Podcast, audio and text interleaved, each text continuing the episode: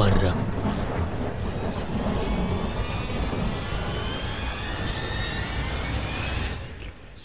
Malam Jumat seram.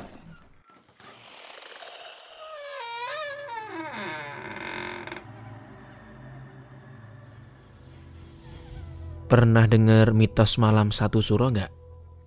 Waktu itu di kos aku lagi sendirian. Teman-teman kos pada pulang dan pemilik kos pun beda rumah. Jadi malam itu aku benar-benar sendirian. Jadi aku telepon ayah, terus ayah bilang gini.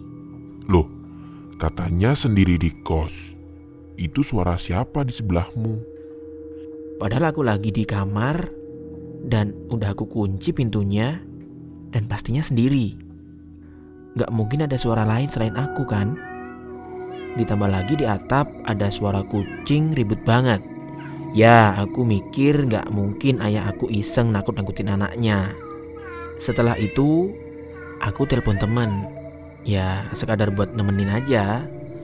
Dia bilang ada suara ledakan dari tempatku. Tapi aku gak dengar apa pun sih.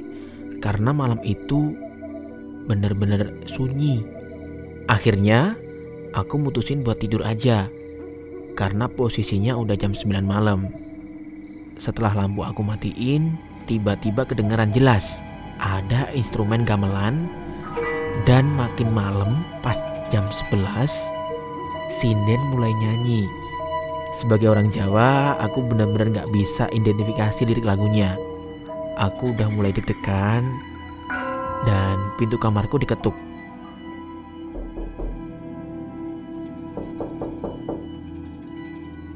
Suaranya pelan dan pokoknya bikin merinding deh.